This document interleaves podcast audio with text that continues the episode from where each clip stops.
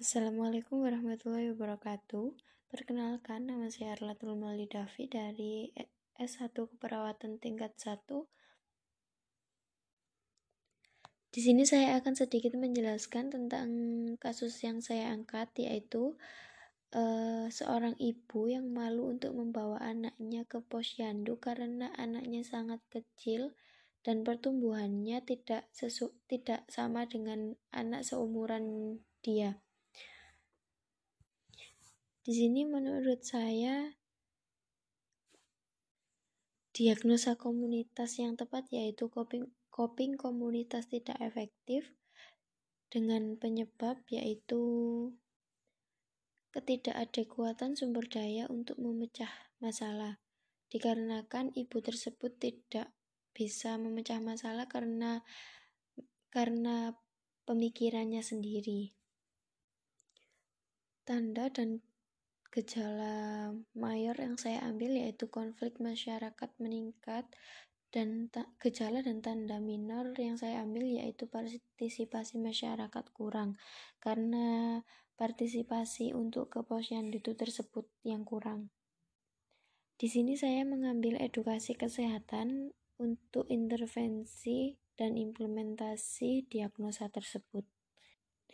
Edukasi kesehatan mengajarkan pengelolaan faktor risiko penyakit dan perilaku hidup bersih serta sehat. Tindakan yang bisa dilakukan yaitu ada tiga, observasi, terapeutik, dan edukasi.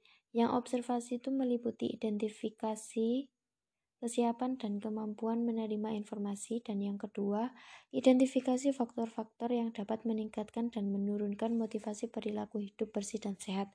Kemudian yang kedua, terapeutik yang yang meliputi sediakan materi dan media pendidikan kesehatan. Yang kedua, jadwalkan pendidikan kesehatan sesuai kesepakatan. Yang ketiga, berikan kesempatan untuk bertanya.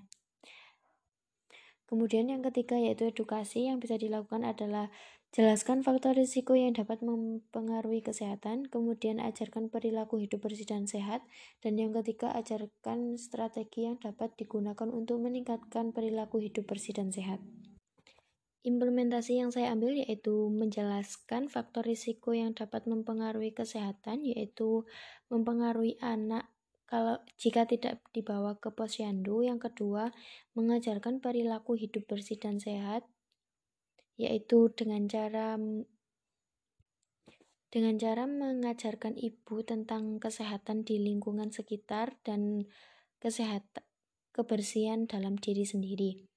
Kemudian yang ketiga yaitu mengajarkan strategi yang dapat dilakukan untuk meningkatkan perilaku hidup bersih dan sehat atau bisa di atau bisa diartikan sebagai um, mengajarkan ibu untuk membawa anaknya ke posyandu dan dan mencoba untuk membuka kesadaran diri pada ibu. Cukup sekian dari saya. Jika ada kurang dan lebihnya saya mohon maaf. Wassalamualaikum warahmatullahi wabarakatuh.